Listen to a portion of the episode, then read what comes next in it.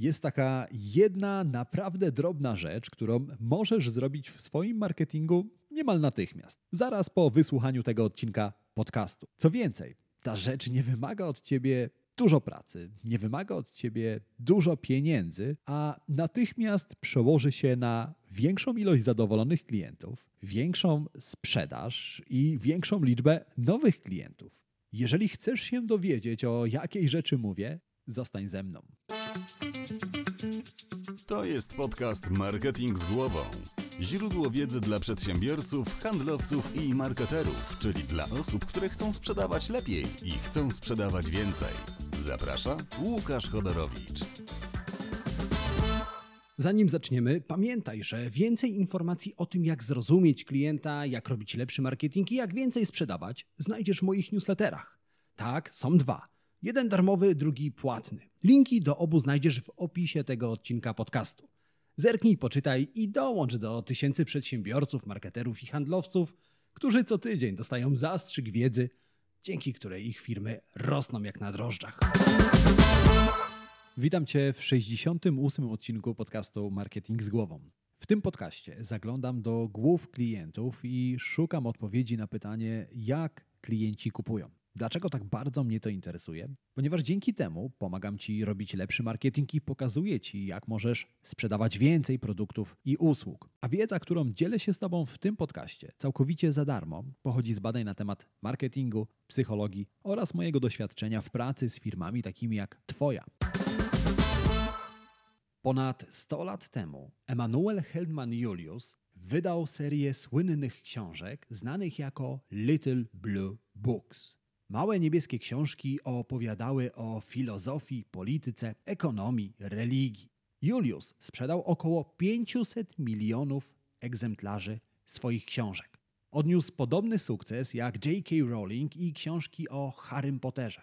Dlaczego ci o tym mówię? Na pewno słyszałeś o tym, że nie należy oceniać książki po okładce, czyli nie należy kierować się pierwszym wrażeniem.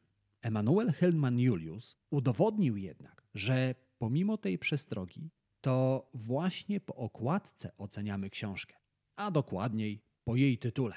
Julius zasłynął nie tylko dorobkiem pisarskim, ale również tym, że zmieniał tytuły swoich książek, aby sprawdzić, jak tytuły wpływają na sprzedaż. Okazało się, że gdy jedna z jego książek nosiła tytuł 10 godzin, sprzedała się tylko w 2000 egzemplarzy. Jednak gdy Julius zmienił tytuł na Kasanowa Historia największego kochanka, sprzedał 22 tysiące egzemplarzy. Ale to nie wszystko. Gdy Julius zmienił tytuł tej samej książki na Poszukiwania blond kochanki, sprzedał 50 tysięcy egzemplarzy.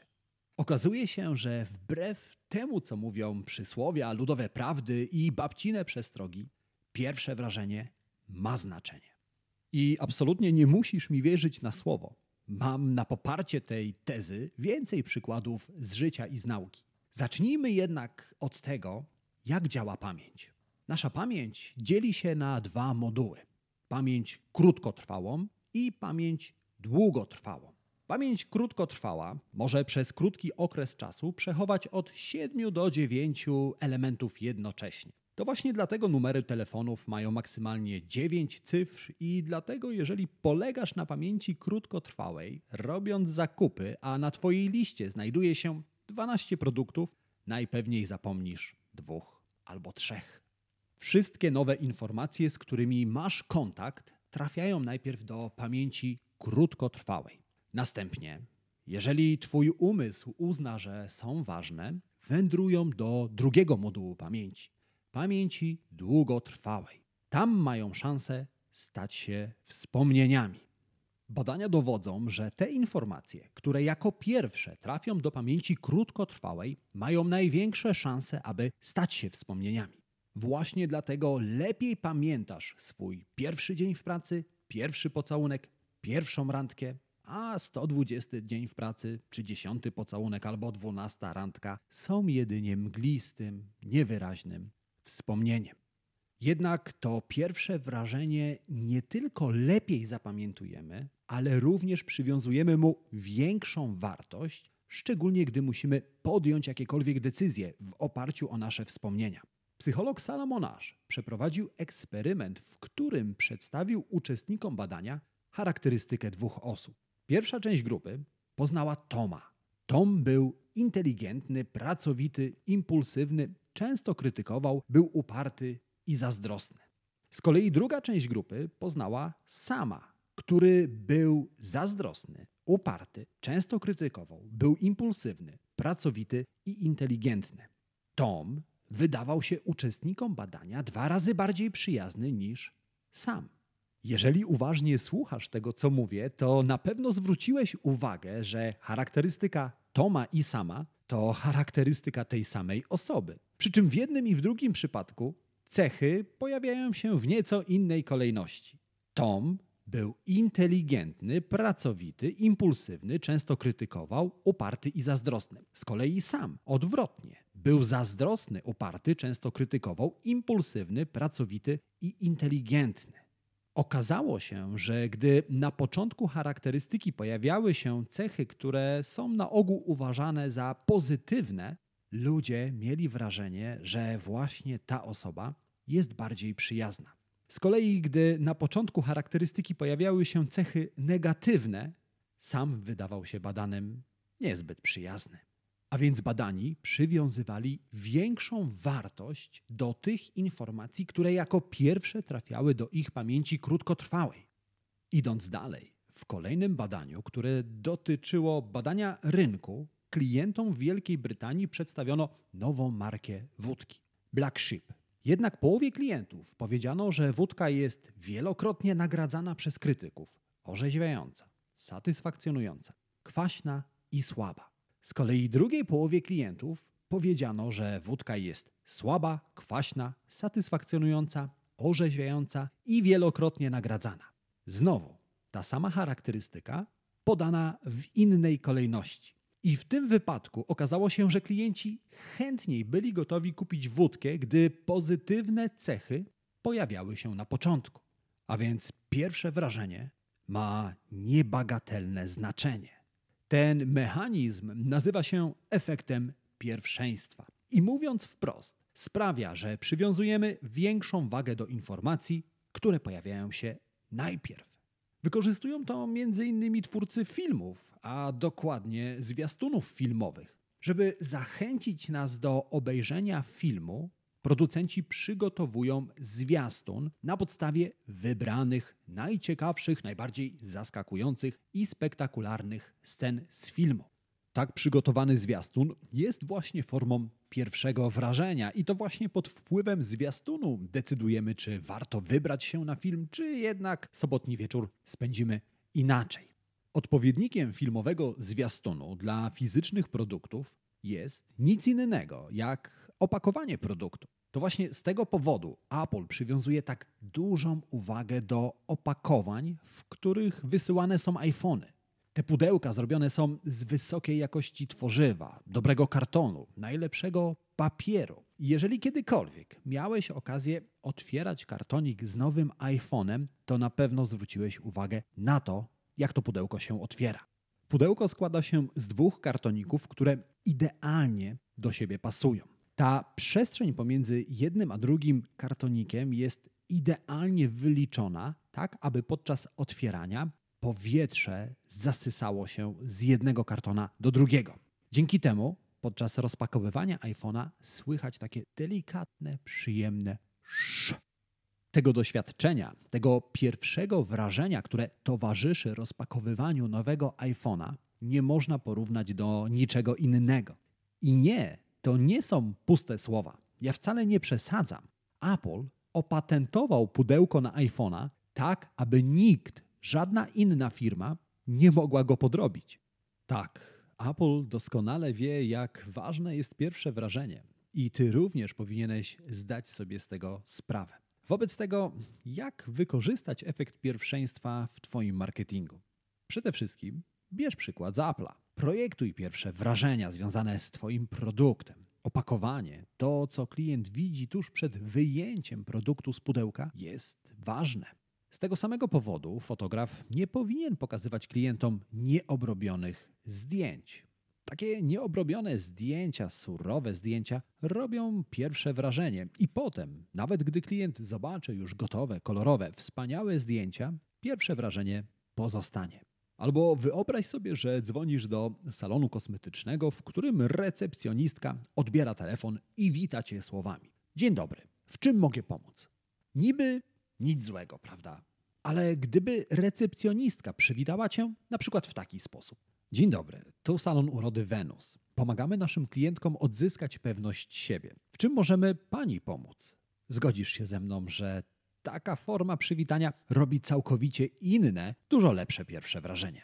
Efekt pierwszeństwa wykorzystasz również projektując cenniki. Załóżmy, że prowadzisz restaurację i chcesz, aby Twoja restauracja była postrzegana przez klientów jako tania.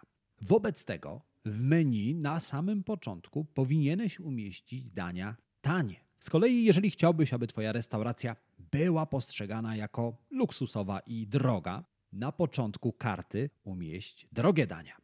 Dzięki temu wywołasz konkretne pierwsze wrażenie. No ale z tego zjawiska możesz skorzystać nawet w bezpośrednich rozmowach z klientem, wtedy gdy chcesz klienta do czegoś przekonać. Załóżmy, że masz w ofercie pięć różnych pakietów usług, natomiast zależy ci na tym, żeby sprzedać jedną konkretną. Wobec tego, wymieniając wszystkie pakiety, na samym początku wymień właśnie tą, którą chcesz, aby klient kupił. No ale w tym wszystkim jest jeszcze jedna bardzo ważna rzecz, o której musisz wiedzieć i o której powinieneś pamiętać. Mianowicie, pierwsze wrażenie to nie to samo co perfekcjonizm. Chcę ci przez to powiedzieć, że pierwsze wrażenie nie musi być idealne. Steve Jobs doskonale rozumiał tę różnicę. Wiedział, jak ważne jest pierwsze wrażenie, ale z drugiej strony wiedział również, że w pierwszym wrażeniu nie chodzi o perfekcję. W dniu premiery pierwszy iPhone daleki był od ideału. Oprogramowanie miało kilka błędów, a jeden z nich powodował, że iPhone gubił zasięg. Szczególnie gdy w pomieszczeniu razem z iPhone'em znajdowały się inne urządzenia elektroniczne. I teraz wyobraź sobie ogromną salę konferencyjną, na której Steve Jobs za kilka minut musi zaprezentować nowego iPhone'a. Na sali Oprócz widzów jest masa reporterów, którzy mają aparaty, dyktafony, całą masę sprzętu elektronicznego, który może zakłócić działanie iPhone'a. Steve Jobs wie, jak ważne jest pierwsze wrażenie, i z drugiej strony nie ma czasu na to, żeby naprawić iPhone'a. Nie ma czasu, aby iPhone stał się perfekcyjny. Jak wobec tego Jobs wybrnął z tej sytuacji? Tuż przed wyjściem na scenę poprosił jednego z programistów, aby szybko zmodyfikował oprogramowanie iPhone'a tak, żeby telefon bez przerwy pokazywał pięć kresek zasięgu. Reszta jest tylko historią. A więc pierwsze wrażenie jest ważne, ale nie popadaj w perfekcjonizm. No dobra, nie powiedziałem ci całej prawdy o efekcie pierwszeństwa bo to zjawisko jest blisko spokrewnione z drugim psychologicznym konceptem, tak zwanym efektem świeżości. Oba działają najlepiej, gdy są używane razem. Jeżeli chcesz dowiedzieć się, czym jest efekt świeżości i jak łączyć go z efektem pierwszeństwa, subskrybuj, obserwuj, dodaj do ulubionych na jakiejkolwiek platformie właśnie jesteś, zasubskrybuj podcast Marketing z głową, bo już w kolejnym odcinku porozmawiamy właśnie o efekcie świeżości.